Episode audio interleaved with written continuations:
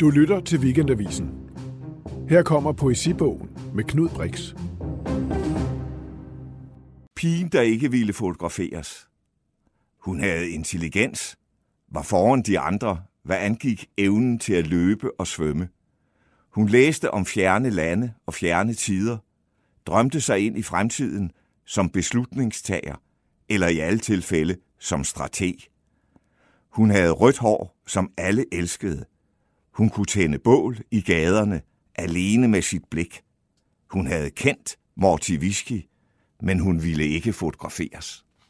Velkommen til Poesibogen, jeg skal snakke. Jo, tusind tak.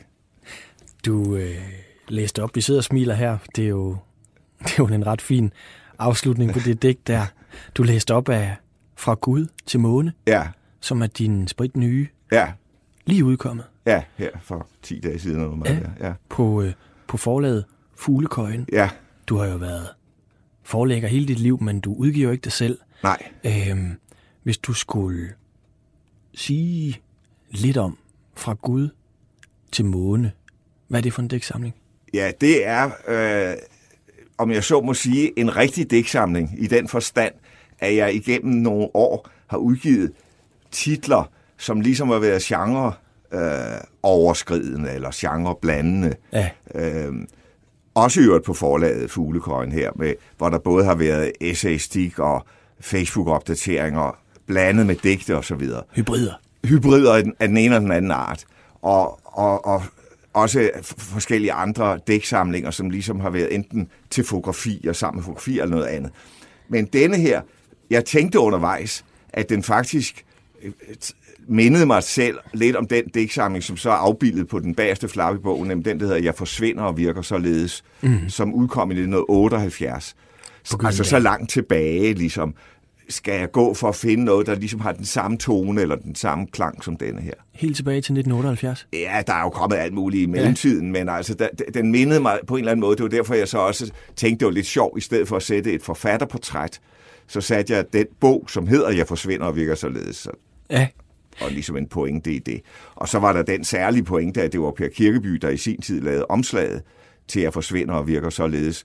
Og det er jo også Per Kirkeby, der her post mortem har lavet omslaget, kan man sige. Det er jo forlæggeren Bjørn Themsen, der har lavet omslaget, men vi har fået lov til at bringe den her blå, øh, det blå illustration, som Per Kirkeby har lavet. Og der er den lille historie, at det er fra 67, denne her. Ja. Og det er jo samme år, som jeg debuterede. Og det er ikke tilfældigt, fordi Per Kirkeby valgte en 5-6 stykker øh, små akvareller ud til den bog, der blev udgivet i anledning af mit jubilæum. Ja. Så han har, om jeg så må sige, selv valgt den her til mig. og I har jo haft et arbejdsfællesskab, Ja. et venskab, Ja. været viklet ind i hinanden Ja. hele livet. Ja, jeg møder ham, det kan jeg fortælle, det jeg husker fuldstændig tydeligt, altså i 1971. Ja. Og jeg var på det tidspunkt ansat på Borgens Forlag i produktionsafdelingen, og sad med ryggen til og arbejdede ved et lysbord. Ja. Og så hører jeg øh, øh, en stemme, og, og jeg kendte ham jo overhovedet ikke, men havde selvfølgelig læst hans bøger og kendt hans billeder. Ja. Og, øh, og det medførte en, en umiddelbar kontakt, vil jeg sige, jeg blev meget kort derefter inviteret hjem til ham osv. Og det med, øh, skabte et, et øh, som du netop siger, arbejdsfællesskab, men også et venskab. Ja. Og, og der var jo, det var, endte jo helt sensationelt, kan man sige, ved at han lavede 46 omslag til mit forlag Biber, hvilket er, det er usædvanligt. ja. Ja. Og når tilbage i 78, man kan jo ikke se det som lytter, men, men jeg sidder og kigger på, på din, ja. Øh, din bog, Jeg forsvinder og virker således, Ja. fra Gyldendal med Kirkebys Ja. øh, billede på forsiden, til du nu, øh, jeg kan ikke engang regne ud, hvor mange år siden det er, hvad er det, øh, det er 41, 41 år 41 år siden, senere, ja. udgiver øh, en digtsamling fra Gud til måne, ja. hvor der på forsiden også er Kirkeby Ja. postmortem. Ja. Øhm, hvorfor har det taget dig så lang tid at finde tilbage til noget af den øh, umiddelbarhed, som jo er i, i Buddhaen, der, der, Ja. plus, der pludselig... Øh, hov, Ja. der var en Buddha der ja. på... Øh, man har en fornemmelse af, og jeg ret mig, hvis jeg tager fejl, men at det er sådan en jagttagelse, og du sidder der, og hov, så var der en Buddha. Ja. Altså, der er ligesom noget lejende over det her, ikke? Jo, altså man, der er noget, det var derfor, jeg sådan set bevidst sluttede med det digt med ja. Pigen, der ikke ville fotograferes, fordi ja.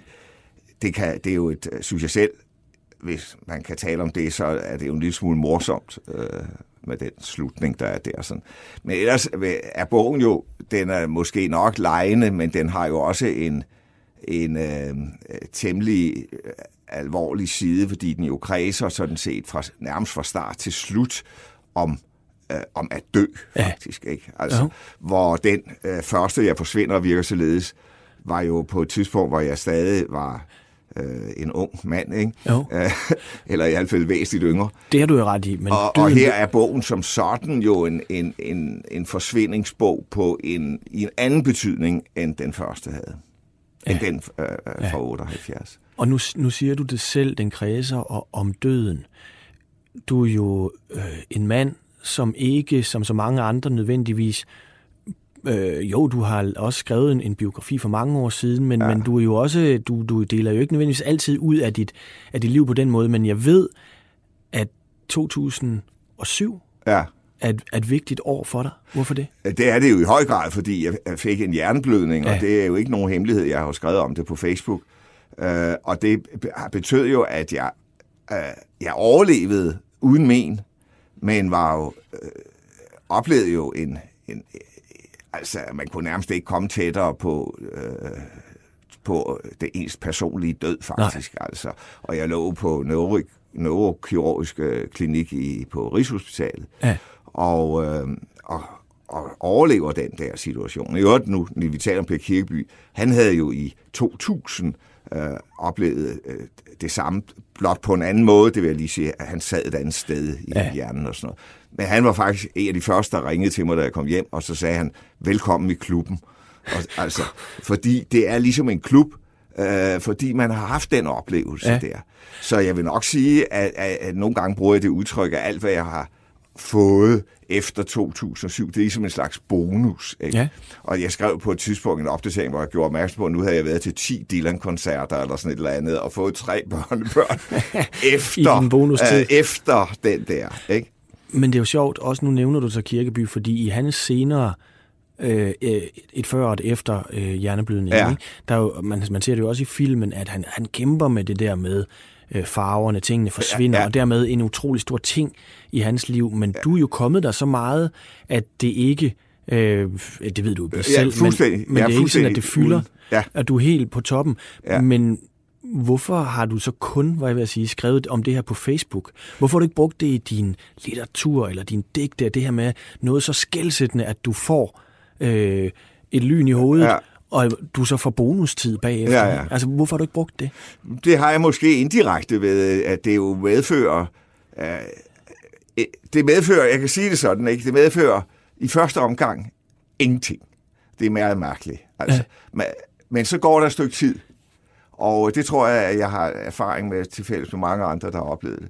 Så et stykke tid efter kommer der en pludselig angst. Ja. Altså, den kommer forsinket. Temmelig meget forsinket. Ja. Og den bliver jo så blandet med en form for taknemmelighed. Ikke? Ja. Så det er den blanding af, af pludselig opstået angst. Altså, det er jo en slags posttraumatisk oplevelse, kan man sige. Ikke? Ja. Og, så, øh, og så kommer der jo også sådan en slags livstaknemmelighed som jeg nu i øvrigt vil, vil påstå har præget mit forfatterskab lige fra starten, havde jeg sagt. Ja. Men, men altså, den bliver så forstærket. Mm. Så, så det kan godt være, at det har været der indirekte.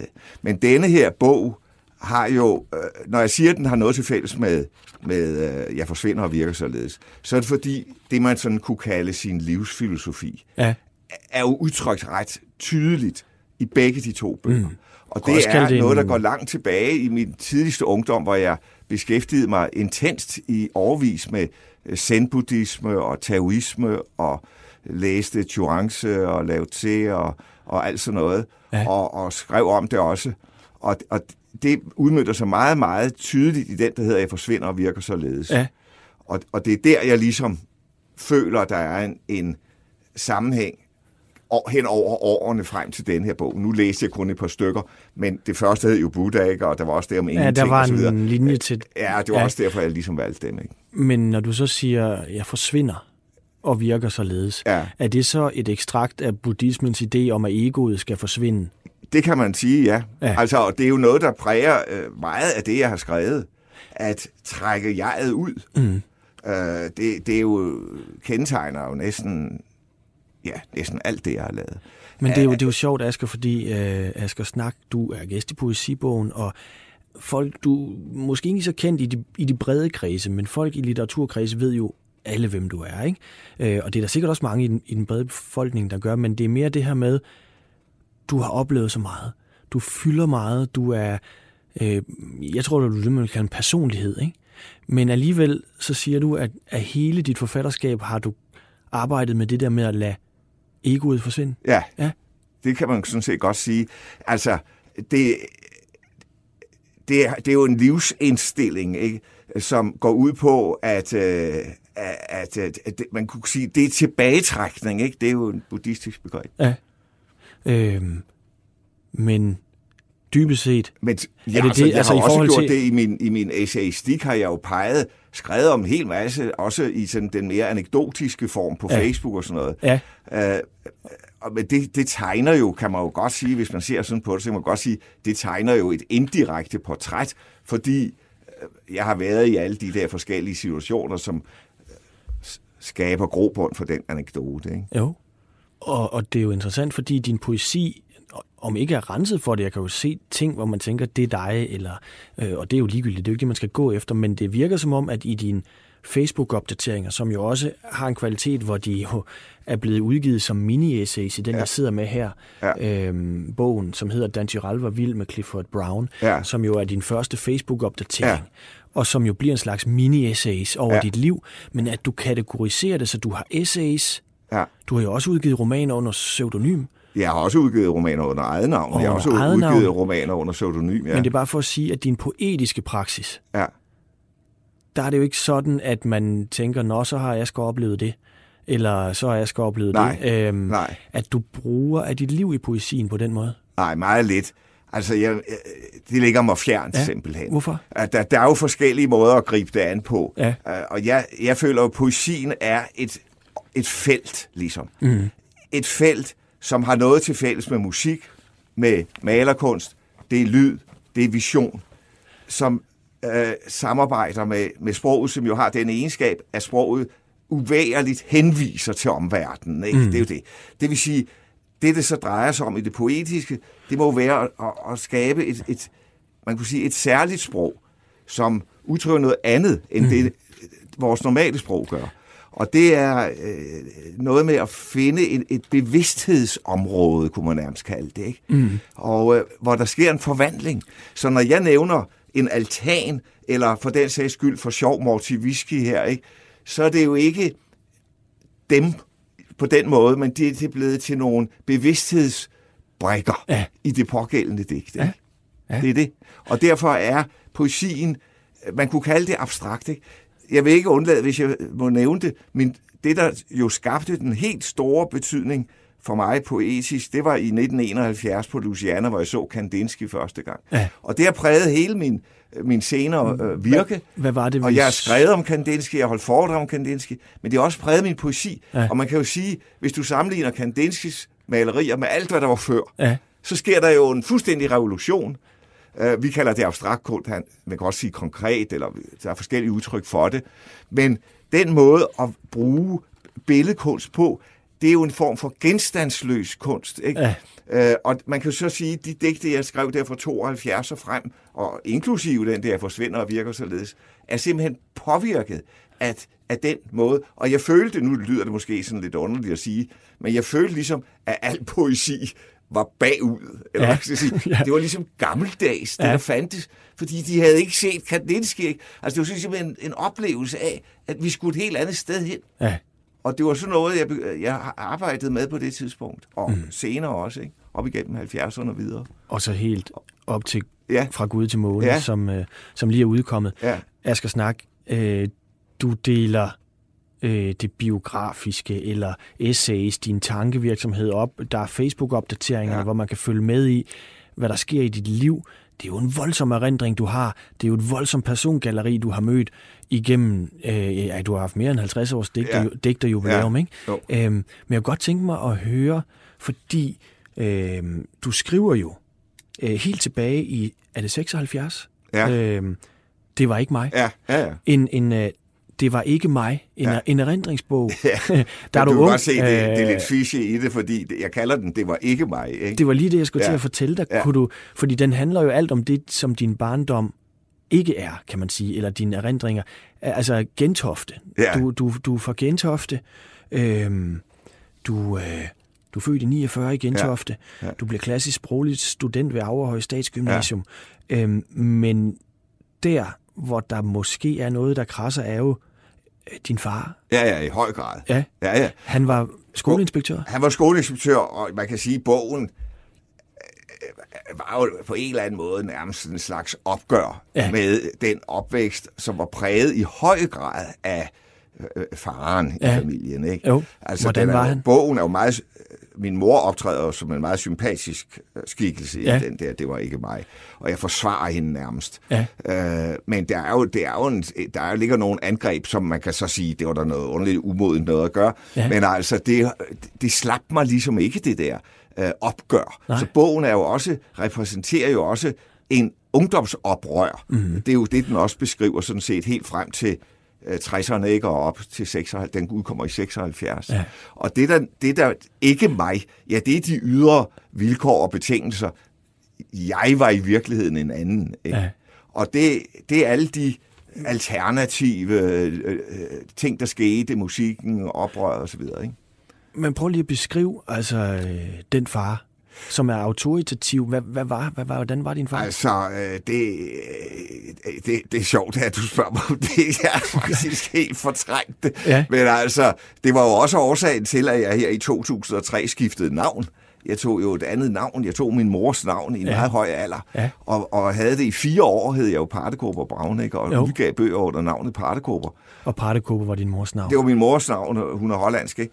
Uh, men, uh, og så efter fire år måtte jeg så gå tilbage igen, fordi jeg forsvandt jo, altså jordens egentlige forstand. Ikke? Der var ingen, der vidste, hvem Nej, det var helt utroligt. Så måtte jeg så, det var så i forbindelse med det med jernblødningen, så min yngste datter overtalte mig så til at tage mit gamle navn tilbage.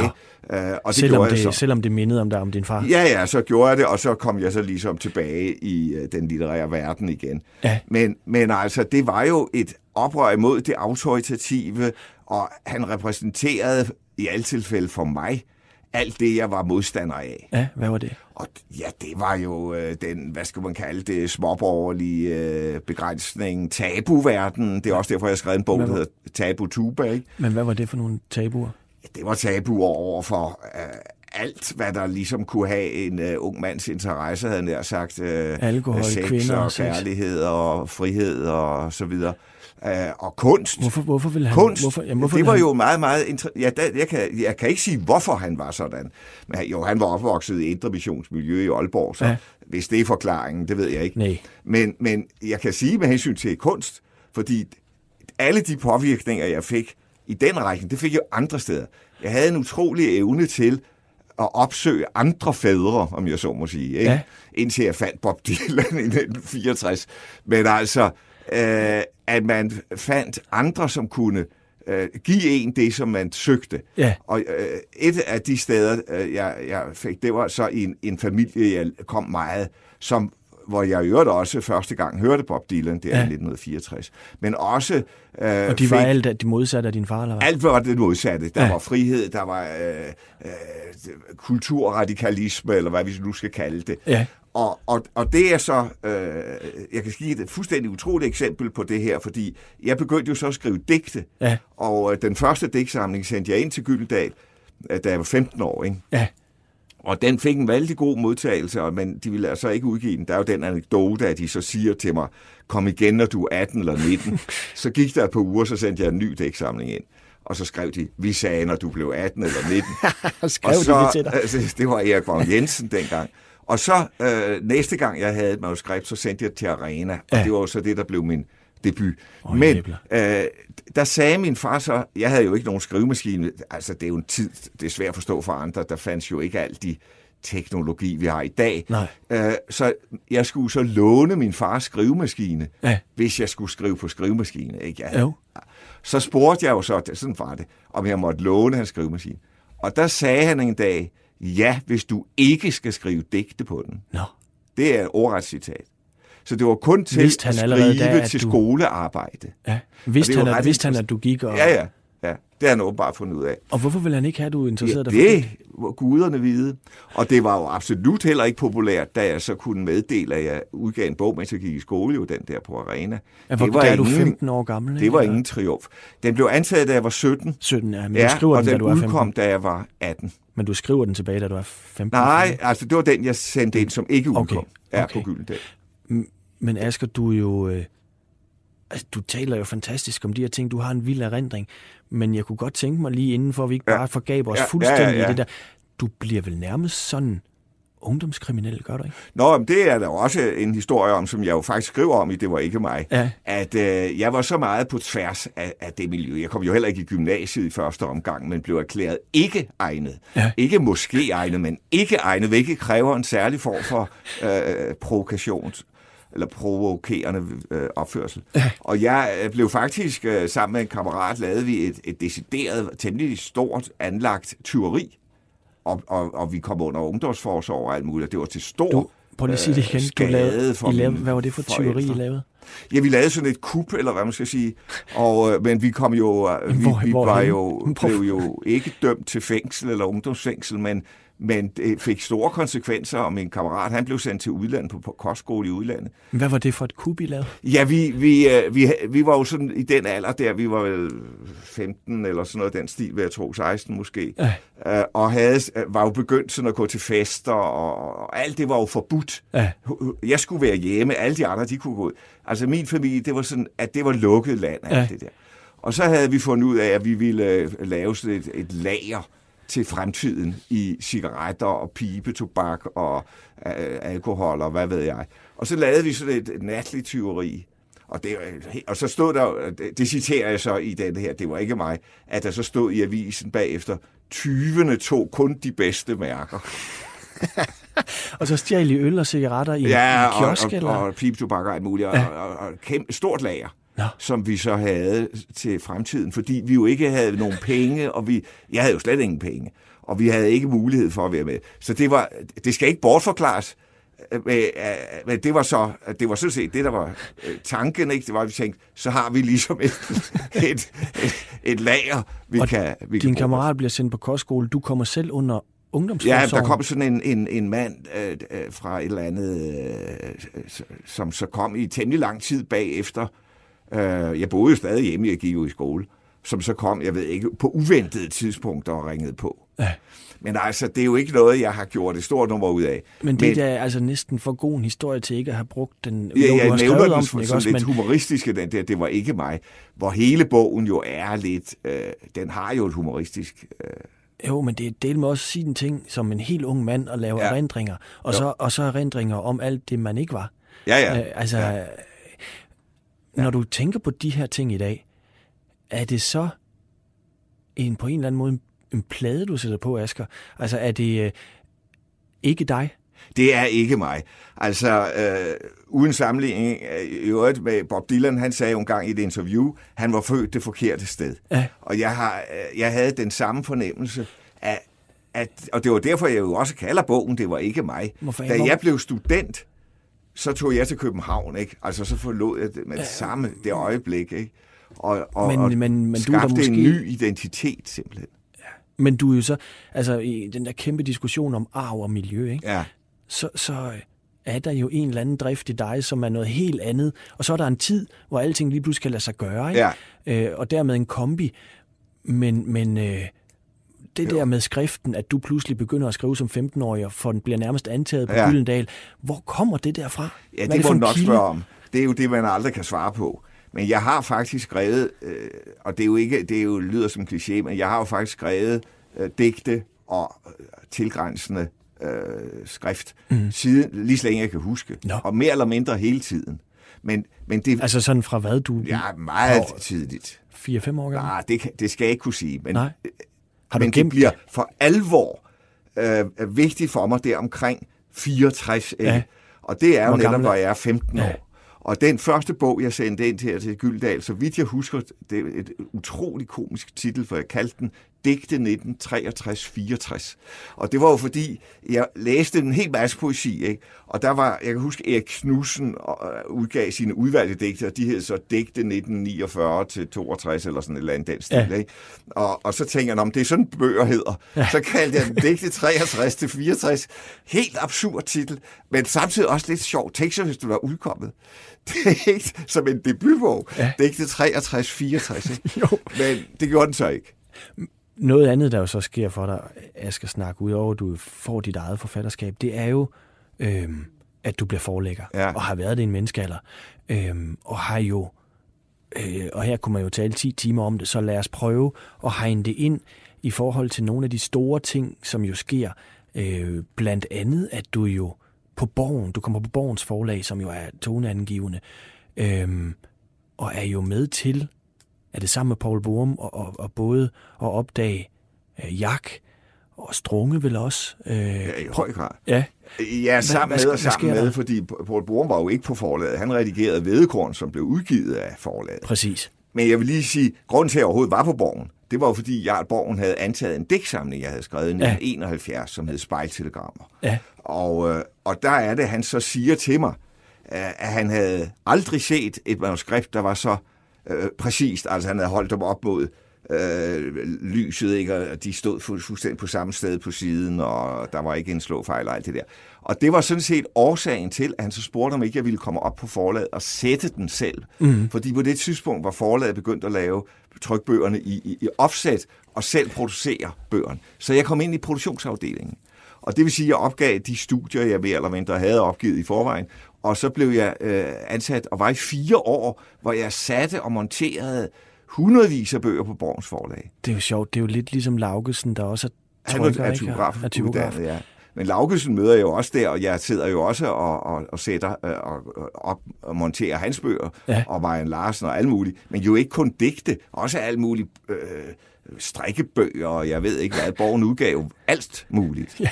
Og så bliver jeg spurgt på et tidspunkt af Borgen, vil du være redaktør? Ja. Fordi han kunne godt mærke, at jeg måske havde andre evner end at sidde ved et lysbord, selvom det jo faktisk var meget interessant. Men så blev jeg så redaktør i de sidste fire år, jeg var der. Mm. Og det er der, i den rolle, så siger han til mig, du må, alt muligt måtte jeg gerne. Det eneste, jeg ikke måtte, det var antage debutanter. No. Fordi der var ikke råd til det. Han ville ikke have nogen nye ind. Så jeg havde jo alle dem, der i forvejen var udgivet. Marianne Larsen, Ivan Marinovski, Benny Andersen osv. osv. For nu holder os til det litterære. Ikke? Jeg lavede også en, der hed Børnetøj, du selv kan sy 0-6 år. og sådan nogle bøger. Ikke? Så man havde mange ting på Borgens forlag. Det kendetegnede Borgens ja. forlag, og kunstnere og så videre. Ikke? Alt muligt, billedkunst og så videre. Og der kom jo også Per Kirkeby selvfølgelig. Men øh, der sker så det, at Paul Borum jo redigerede Vedgård, og han laver så de her forfatter eftermiddager og aftener mm. øh, i Havnegade, hvor de yngste digtere kom med. Og som vel bliver en slags forløber til forfatterskolen. Ja, det er det, men han ja. havde jo allerede gjort det i 69, hvor ja. jeg og Dan Torell og mange andre var inviteret. Det var der, jeg mødte Dan Torell. Ja. Altså, det er jo faktisk en af de vigtigste øh, øjeblikke, da jeg møder Dan Torell der, ja. fordi vi fra det øjeblik jo altså faktisk... Altså hos Paul Borum? Nej, det var øh, faktisk inde i, uh, i Farvergade. Ja. Det var ikke hjemme hos Borum på det tidspunkt. Det var ude i byen. Og der kom alle dem fra min generation. Vi blev sådan set inviteret der. Og Marian Larsen var der også, og Rolf Gedested og mange andre. Og vi mødte hinanden der. Ja. ja der var Borum ikke alene, der var faktisk tre lærere, der inviterede os. Det var Hans Jørgen Nielsen, Svend Holm og Paul Borum. Der ja, det er også noget af et hold, var. Ja, og, så, og den første dag, der gik al diskussion med, at eleverne ville fyre lærerne, fordi vi ville ikke have nogen lærer. Men altså, det gentog han og der så. der møder du Dan Joel? Der møder jeg Dan, ja. ja. Og så, Hvorfor er det, det bliver så skældsættende? Ja, det bliver skældsættende, fordi vi blev jo øh, meget, altså vi fik jo et, i mange år et meget tæt øh, samarbejde og venskab. Ikke? Ja.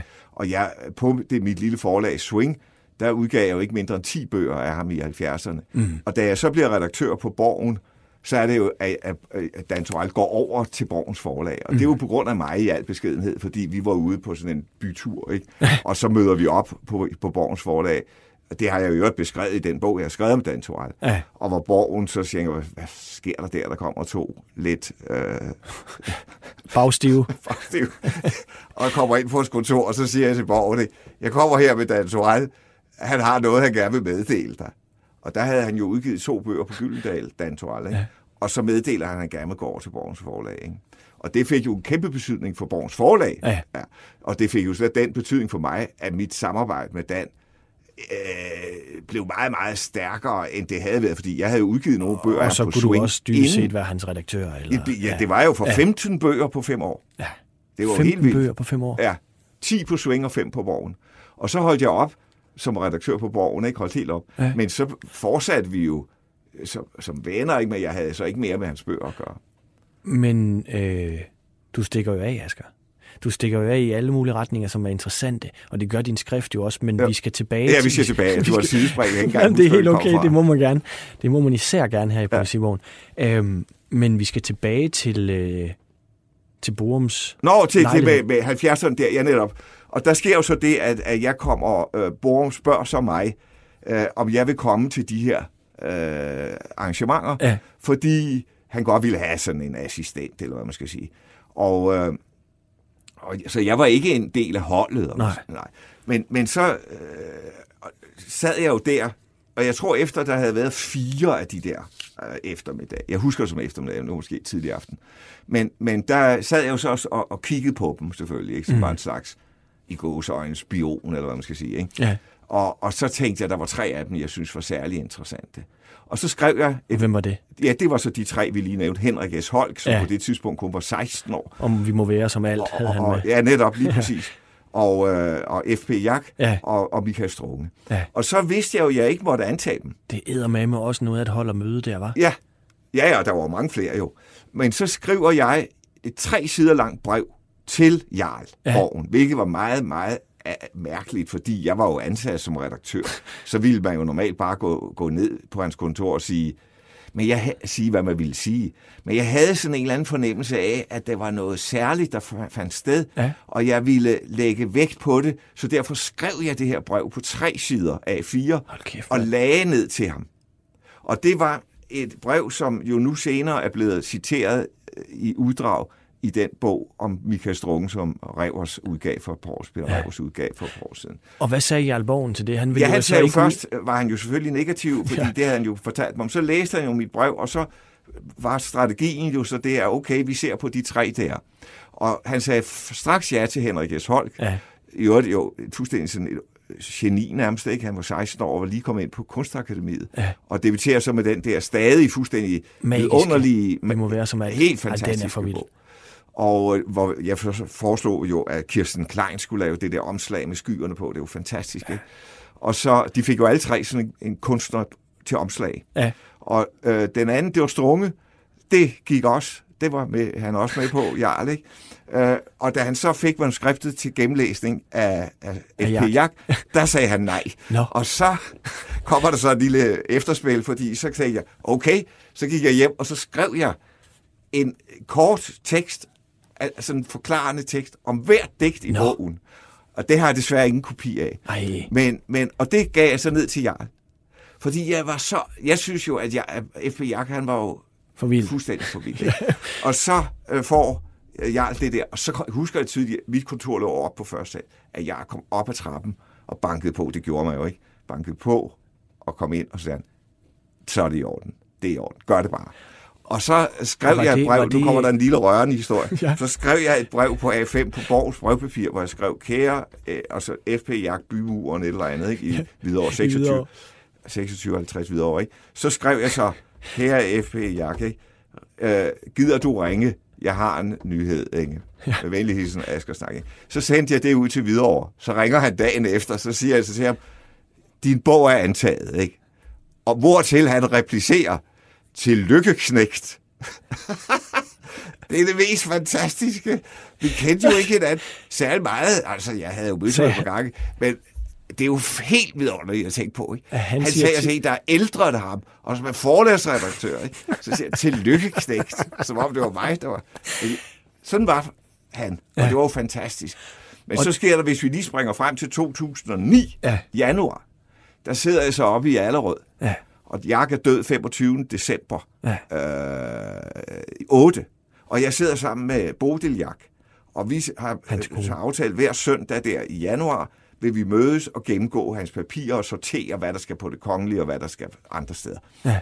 Og midt i den der oprydning, så finder jeg lige pludselig det brev. Nej. Fra Borgs Papir. Kære F.P. Gider du række? Jeg dateret 1977. Ja. Så det, det, er jo, det er jo litteraturhistorie, ja, som du selv så det røg sig til det ja. kongelige. Ja. Men, men prøv lige at høre, øh, Asger Snak, du, du antager jo de her, de kommer til at blive toneangivende for en generation og flere generationer ja. frem. Øh, det hele virker jo lidt tilfældigt, når man hører det fortalt sådan her, ikke? Øh, måske var det brudt igennem alligevel. Det, det, er, jo, det er jo kontrafaktik.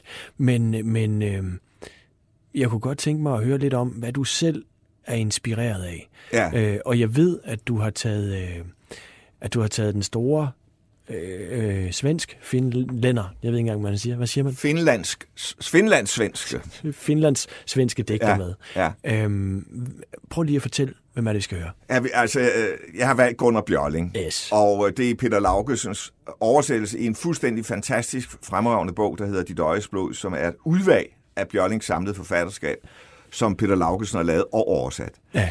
Når jeg har valgt det, så er det fordi, det var simpelthen min første helt store inspiration. Ja. Og det sker nemlig det, at Paul Borum udgiver i 1966 en meget betydningsfuld bog, der hed Poetisk Modernisme. Og hvis du spørger alle fra min generation, øh, så har de den samme historie, at mm. de købte den bog, og det fik stor betydning for dem. Ja. Fordi Paul Borum, det var ligesom at få sådan en eller anden, jeg ved ikke hvad, fyrkeri ind i hovedet, fordi det åbnede op til alle mulige andre landes poesi, som jeg på det tidspunkt slet, jeg var 17 år, jeg havde jo slet ikke nogen anelse om, at det fandtes. Ja. Så via den bog begyndte jeg at låne bøger hjem. Ja. Og øh, en af dem, der gjorde virkelig stor indtryk på mig, det var Bjørling. Så, så det, han havde kæmpe betydning. Og dem, der kender min debut, de vil også kunne se, at det er sådan meget inspireret af Bjørling, ikke? Ja, selv på titlen, ikke? Ja, helt ude på titlen Øjeæbler, altså. Ja. Det er også det. Altså det med det konkrete og det med det synet. Men, altså konkretisere ja, synet. Nu tror jeg, vi skal, ja, okay. nu tror jeg, vi skal inden vi, altså for han er jo med Edith Sødergran, og vi skal lige ja. tale om, hvad er det med de der finlandsk-svenske? Ja, det er jo et, men, men skal vi ikke Nå, gemme, ja, ja, lad os gemme det. Øh, ja. Hvad er det for et digt, vi skal høre? Ja, det er så, jeg har valgt fire, jeg ved ikke, om det, det er, fint. det er ordentligt. Det er fint. Fra det bog, som hedder Solgrønt, som er min personlige yndlingsbog hos Bjørling, og den kommer i 1933. Ja. Og, og Laugesen han har faktisk lavet et helt afsnit i bogen, som kun er fra den bog. Så han må jo også mene, at den er vigtig. Ikke? Skal jeg læse dem? Det synes jeg. Ja. Menneske, som syn går op, og min stilhed er lys og luften solgrønt. Alt hvad kærlighed og hvad elskov, sig hvad måne skriger, og juninatten tænker, alt hvad kærlighed og hvad elskov, sig mig, sig dig. Din hud, dine svedige fingre, du som sabelroser, lyn på bordet, du, dine lemmer, blodvældende, latteren, hån og din ryg og armen bøjelig, du elskede liv og dagene. Måger skriger, motor snor, lys slår ind gennem vinduet, men du er borte. Dag går, en dag, og jeg venter, møder, og hele dagen, dagen lærer du med mig bort. En nats lykke, en nat og lykke, som en gave, som solen skær om morgenen, som livets herlighed, som kommer altid, altid, og mørket splittes. Hvordan skal jeg ikke glædes, sommer og vestenvind på syngende jord, senhøstaftenens måne på sund og øer, storm er ophørt, dagen er til ende, det tindrer i dis fra alle lygter, det er som på vej til en kirkegård. Den levende dags sol har lyst ind. Et hoved lyser over alle, som en velgører kom du, er som det farne og sløvsindede så op. Der kom menneske i vores øjne. Vi ler på en anden måde. Vi har et nyt hjertes munde. Har du ikke blå strømpe og fine hvide barndomslinneder? Bed du mig ikke med den røde kæbe? Jeg stanser og ser på dig. Var det ikke dine lillefingre, der skulle have lært at gå? Var det ikke dig, der gav køerne sukker? Dada, solsmederen over vores gulgrønne læber, et ansigts øjne, gule have og huds visdom, bål og arme dingler mellem øjnene. Du at dag og aftenen, du det solomstrålede, dit luftklare hoved. Jeg i mit samledes øje, o menneskehjertet, på tilfældighedens boplads uden en plet. Her sover jeg bort, her er mig et evigt givagt. Her lever jeg tyst, her åbner sig menneskenes fodtrin, her blandt det ubekendte. Dit øjes glimt som et siv i muld, din kind er sommerens aften, dit øjes vælv. Hvad er du? Men dog dit øjes blod. Men jeg kan ikke en blandt de mærker ved øreflippen og hinanden, ingen, ingen så, som fra længst væk og siden, men jeg skal til mørket tænder over alle. Wow. Hold da kæft. Det er jo temmelig voldsomt, øh, hvordan sproget bliver fuldstændig, øh, hvad skal vi sige, brudt ned men, og bygget men, op. Men der er noget, jeg ikke kan forstå ja. ved det der. Ikke? Ja. Altså, så velbevandret er jeg heller ikke i 30'ernes litteratur. Ja. Men det der, hvis det havde været fra 60'erne eller 70'erne, modernismen på ja. en eller anden måde, så jeg kunne forstå det. Ja. Jeg kan bare ikke forstå, at det der er kommet ud af svensk, svensk Finland i 30'erne. Jo, jo. Altså, hvad altså, han, nu valgte jeg jo blandt andet et af de dæk, hvor der pludselig optræder ordet dada. Ja, så, så for dada Bjørling er jo ja. simpelthen, ligesom de andre øh, finlandssvenske digtere, de er åbne over for, hvad der foregår ja. i Europa. Ja. På en helt, helt anden måde, end vi var her i Danmark. Ja. Vi havde nogle ganske få, vi havde Brobe Johansen, og vi havde øh, Land Momberg, ikke? men ganske få hvor der jo øh, i Finland hvor kom disse store, store forfatterskaber. Og Bjørling har læst dadaisterne. Han har det med sig, ikke? Jo. Men han skaber sit fuldstændig eget univers. Jeg mener simpelthen, der er ingen andre digter, der ligner det der. Og han gør det, at han jo bygger en verden op af det, vi kunne kalde små ord. Ja. Altså at og og og øh, aften og altså sådan nogle ord. Og bygger ligesom nogle sproglige skulpturer op. Ja. Ja. Øh, og så er der jo øvrigt ved at sige en meget, meget kraftig følelse i det. Altså sådan en, en gennemstrømmende livs... Øh, følelse af noget, der findes. Ligesom. Og så skal man måske heller ikke forklare, at det, at det er Peter Laugesen, der har oversat. Det er fantastisk godt oversat. Det er med, med Altså, det er jo også svært at oversætte svensk poesi ja. til dansk, fordi det jo trods alt er, ja. alligevel er forskelligt, ikke selvom ja. vi er så nær, men hold da op.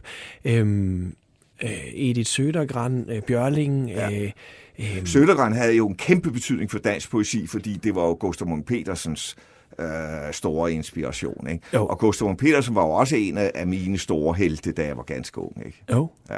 Og så bider det sig selv øh, ja. i halen, det hele. Ja. Øh, men, men det der... Øh, i virkeligheden, altså man kan jo blive ved med dig, skal snakke, ikke? Men, men jeg er også sådan lidt interesseret i, det her handler om dit forfatterskab, din poesi, øh, men det handler også om energi. Altså, jo. hvor kommer al din energi fra? ja, det, det er vel det samme sted fra, hvor poesien kommer fra, ja, havde det sagt. Ja, hvor er det? Så det er jo det, at man... Øh, det, det er jo det, man ikke kan svare på. Men hver gang jeg hører dig, eller møder dig, eller, øh, eller ligesom ser dig, øh, så slår det mig bare, at du har den der voldsomme energi. Har du altid haft det? Ja, det tror jeg. Og i det der krydsfelt mellem en eller anden form for vulkan inde i sig, og noget poesi, og så jo have så mange anekdoter fra litteratur, har været oplevet litteraturhistorien, ikke? fordi du har været redaktør og alle de her ting. Ja. Øh, og så få de der, det du kalder bonus. Fra, ja, bonusårene. Fra, du, fra du ligesom dør, ikke dør. Ja. Det var ikke dig, der døde. Nej. Øhm, jeg ved egentlig ikke rigtig, hvad jeg vil spørge dig om, andet end at, øh, hvordan ser du dig selv? Ja, altså jeg ser jo mig selv, og det er jo klart, det er jo i øvrigt ikke noget dumt spørgsmål, fordi mennesker ser jo sig selv på en helt anden måde, end man bliver set. Ja. Og jeg er jo ikke i tvivl om, at jeg ser nogle af mine jævnaldrende, for eksempel gamle klassekammerater eller andre jævnaldrende. Når jeg ser dem sådan på gaden eller på fjernsyn eller noget, ikke? så tænker jeg, nej, sikkert en gammel, hvor er de dog blevet gamle. Ikke? Ja. Og det er jo mærkeligt, fordi det tænker folk selvfølgelig også om mig, at jeg er sådan en gammel en. Ikke? Og det, den fornemmelse af at være øh, gamle eller mindre gamle, altså, det har man jo ikke indeni. Fordi der er det jo... Hvor gammel er du inde i? Ja, det, det er jo uden alder, men det er i alle fald ikke. Øh, jeg føler mig sådan set ikke specielt gammel, for det er jo den samme øh, stemme, der, der, der, der, der lyder, ikke? som øh, tidligere. Men prøv at høre, hvis du kunne sætte det der på, på formel, ikke? Altså, så kunne ja. du jo blive en rig mand, fordi hvordan bevarer man den kilde der? Nys, ja. Nysgerrigheden. Du siger jo det der med, at du ser på dine venner og sådan noget. Jeg går ud fra, ja. det også måske er sådan lidt en frygt for noget forstokkethed. Jamen, det er jo ikke øh, deres indre. Nu nej, tænker jeg kun men, om deres... Ja, når man ser okay. øh, jævnalderen, så tænker man, så får man jo på den måde at vide, at man er blevet gammel, ikke? Altså, jo, ja. men, men det handler vel også om, hvordan undgår man at blive forstokket og bevare jo, sin nysgerrighed? Ja, men det der, du synes jeg, der er mange af mine jævnaldrende, der stadig er meget ungdomlige i deres øh, ja. sind og adfærd. Men der er del med også mange, der ikke er. Der er også nogen, der ikke er, og der er også mange, der simpelthen ikke lever mere, ikke? Altså, sådan er det jo. jo. Ja. Og, og mange af de digtere, som du så antog, er jo også... Altså, Flere, mange af dem er jo døde. Død, øh. Ja, også alle mine, de, mange af mine venner, Altså, jeg havde jo sådan en periode, nu vi taler før om død, altså jeg havde jo sådan en periode, hvor, hvor alle mine nærmeste venner simpelthen døde, en efter en. Ikke? Ja. Og øh, Dan Torell, øh, Morty Whisky, øh, Jørgen Stav Brandt, og så F.P. Jak. Ja. Og jeg kan huske, det var faktisk nogle af dem, jeg jo ligesom havde talt mest med øh, i telefoner også jo. Og, og jeg kan huske der, da Jak døde, det var altså virkelig en, en, øh, en, en, en, mær, en mærkelig tid bagefter, fordi jeg havde haft så meget med ham at gøre, og vi talte ja. telefon hele tiden, når vi var sammen. Vi skrev jo også bøger sammen. Det er ikke, vi har jo ikke været inde på, men jeg har jo skrevet bøger og digte sammen med både med Claus Høger og med Jak. Og, og haft bandet 0. Bandet 0, som var os alle tre, ikke? Og jo. tilsammen er det jo noget, der svarer til et et almindeligt, havde nær sagt, et helt forfatterskab, sådan set, fordi det er jo til mange bøger i alt. Ja. Og med Jack og jeg, vi var jo stadig i fuld sving, og vi havde planer om at, at gå i gang igen øh, til, til marts, så jeg husker ikke, og han dør så i december. Ikke? I vil simpelthen have gendannet bandet 0? Nej, vi, vi lavede jo det, der hed Duoen Jakob Snak, hvor ah, vi det er udgav rigtigt. seks bøger, ikke? Jo. Og de blev men, så genudgivet i to trilogier. Ja. Men, men jeg kan bare huske, at jeg sagde både til mig selv og andre, at nu kunne jeg lige så godt sige mit telefonabonnement op, ikke?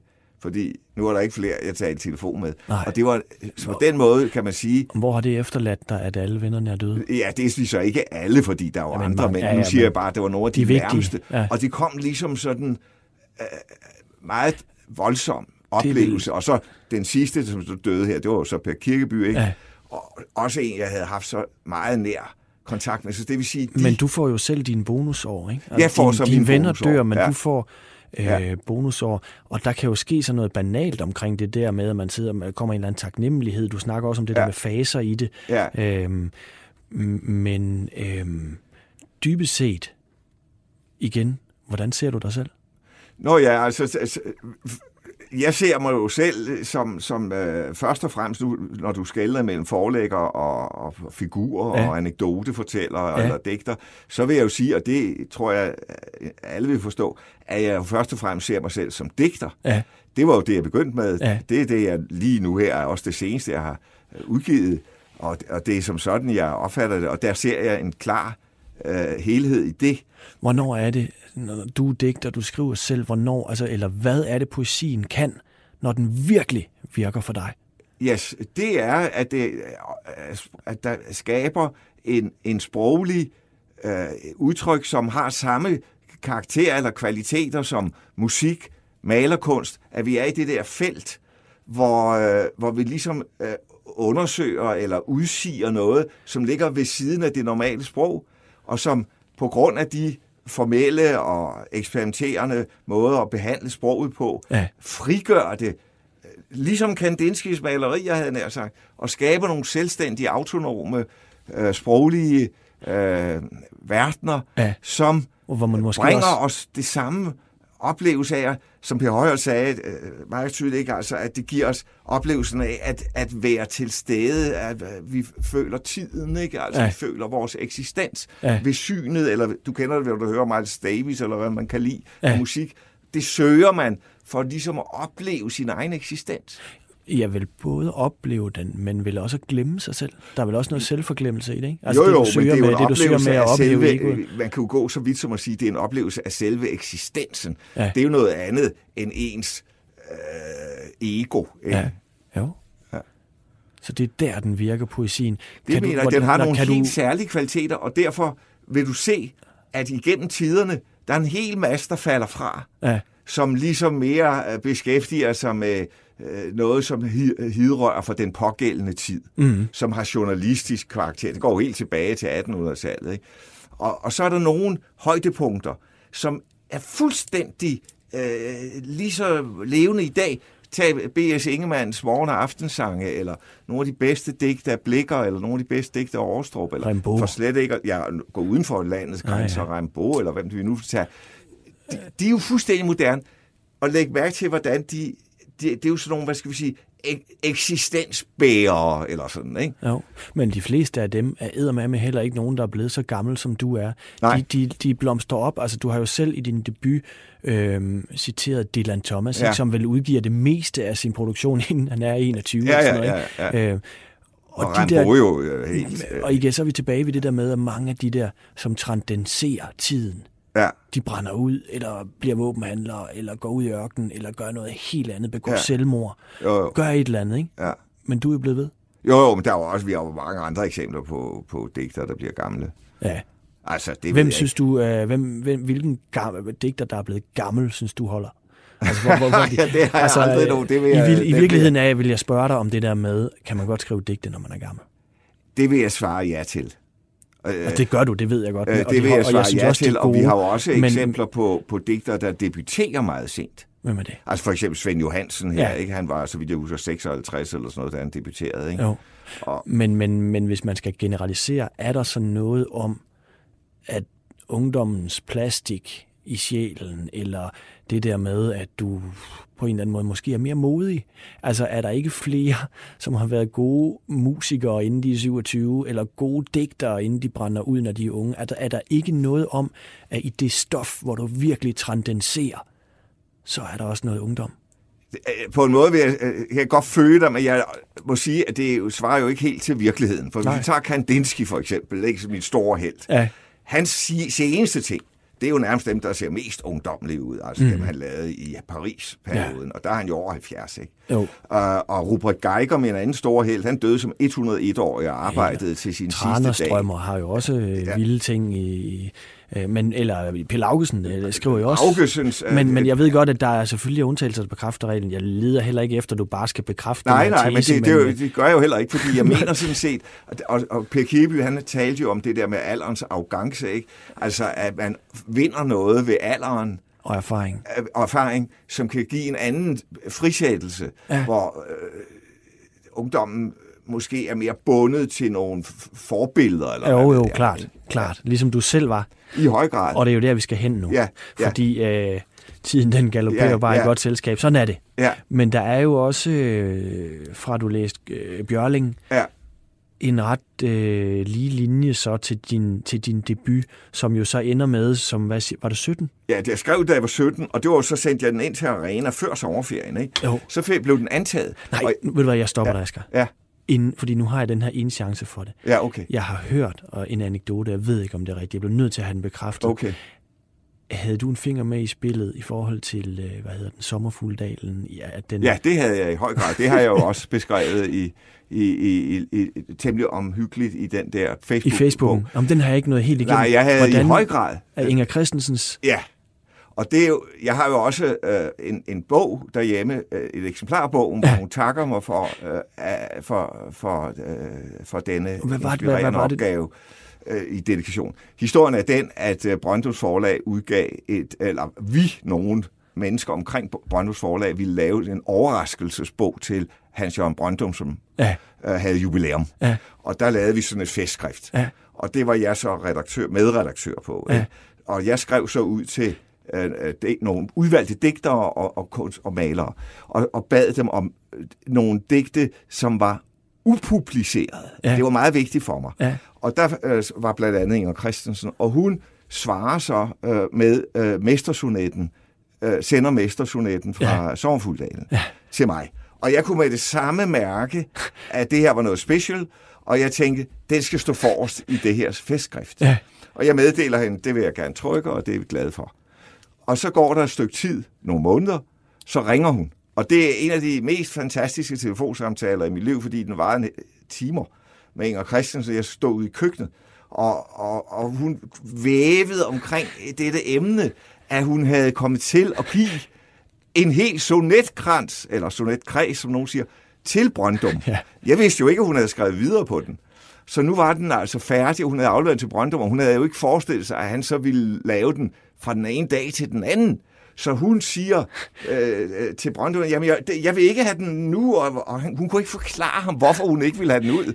For det var jo, fordi hun havde lovet mig ja. ikke at, at den der øh, første sonet, som jo er den sidste i ja. bogen, at den måtte ikke være publiceret. Og, igen... og så øh, aftaler vi så sammen, hun og jeg, at det er i orden, hvis hun sikrer sig, at bogen ikke udkommer før jubilæumsdagen. Ja. Så derfor øh, holdt jeg en tale derinde, da han havde jubilæum om eftermiddagen, overrakte ham øh, jubilæumsskriftet, og tog tre timer efter udkom så Sommerfugledalen. Som jo ender med at være et mesterværk ja, ja. i litteraturhistorien ja. og alt det her. Og dermed har Men du jeg jo har igen... Så nej, mere, jeg har mere med den at gøre, fordi der, i den meget lange samtale med ja. hende, ja. der siger jeg så til hende, øh, eller hun spørger så, øh, ja, men hun havde tænkt sig at tage det digt, der hedder Digt til døden ja. med, og noget andet, for hun, man kunne jo ikke udgive den der sonet alene. Og så siger jeg, uh, Thomas Transtrøm, og han kunne udgive 17 digte, og Gustav Petersen kunne udgive 19 digte, så kan du også udgive 15 digte. Og uh, så det må ikke tage noget andet med. Nej. Så det var sådan set min, uh, at jeg havde, som jeg selv siger sådan lidt humoristisk, at, at jeg havde haft en finger med i verdenslitteraturen, fordi jeg mener slet ikke, den havde fået den Øh, status, hvis der havde været andre digte i. Vel? Og hun skriver så i den her dedikation, og tak for dit gode råd om, at 15 digte godt kan være nok. Det wow. Så. Ja. Og der bliver vi nødt til at slutte ja. med, at du lige har klemt en hårnål ind i, ind i litteraturhistorien, og det kunne jo blive ved. Ja. Og nu når vi ikke at snakke om det der med at debutere. Jeg synes bare, man skal have øh, fornøjelsen af at høre dig læse op. Jeg ja. skal snakke, og så vil jeg bare sige tusind tak, fordi øh, du kom i poesibogen. Nu vil du læse jo. op af din debut, og æbler. Ja. Spejl er Guds være, spejler sol og strand og hav og horisont, spejler ting på ting og ord på ord og møde. Jeg siger ikke det, at den kan flyve, ikke vingernes kraft og vandren, men kløerne, næbet, fuglen. Han blev dømt til døden, du blev dømt til livet. I har begge fugle i jeres bur. Solen giver lys og skygge, skyggen giver kun mørke, mørket er i dine øjne. Fordi verden aldrig har været verden, fordi jeg ikke er jeg, fordi vi ikke er den samme, fordi jeg ikke, fordi verden ikke i det lange løb. Signeret Herakleitos. Tankestøv pust fra mund til alle verdener. Længselssorg som frisk grøn græs på bare klippe. Længselssorg er evig ung. Kronbladenes utallige iskrystaller springer ud, når blomsten lukker sig, tynget af viden om dagen. Samme sol som alle andre steder, men synet forandret. Solens stråler skabte nye, aldrig før opdagede finesser. Solen og synet, og solen gik op. Sol er sol og syn. Regn er regn og træ. Ord er ord og syn og træ. Vi ville sang, komma, sol, vi ville denne dunken, vi ville anderledes glæde. Glæde er dine læber, glæde er dit ord, glæde er dine dråber. Vi vil gå i møde, gå i møde, solen, når den kommer, hvis den. I mødet er ordene til stede, ellers ikke, men i mødet. Vi tog samme tids blad op fra jorden i klart sekund, så med bange ribben igennem bladets stamme, fordelte det imellem os i ro og spejl.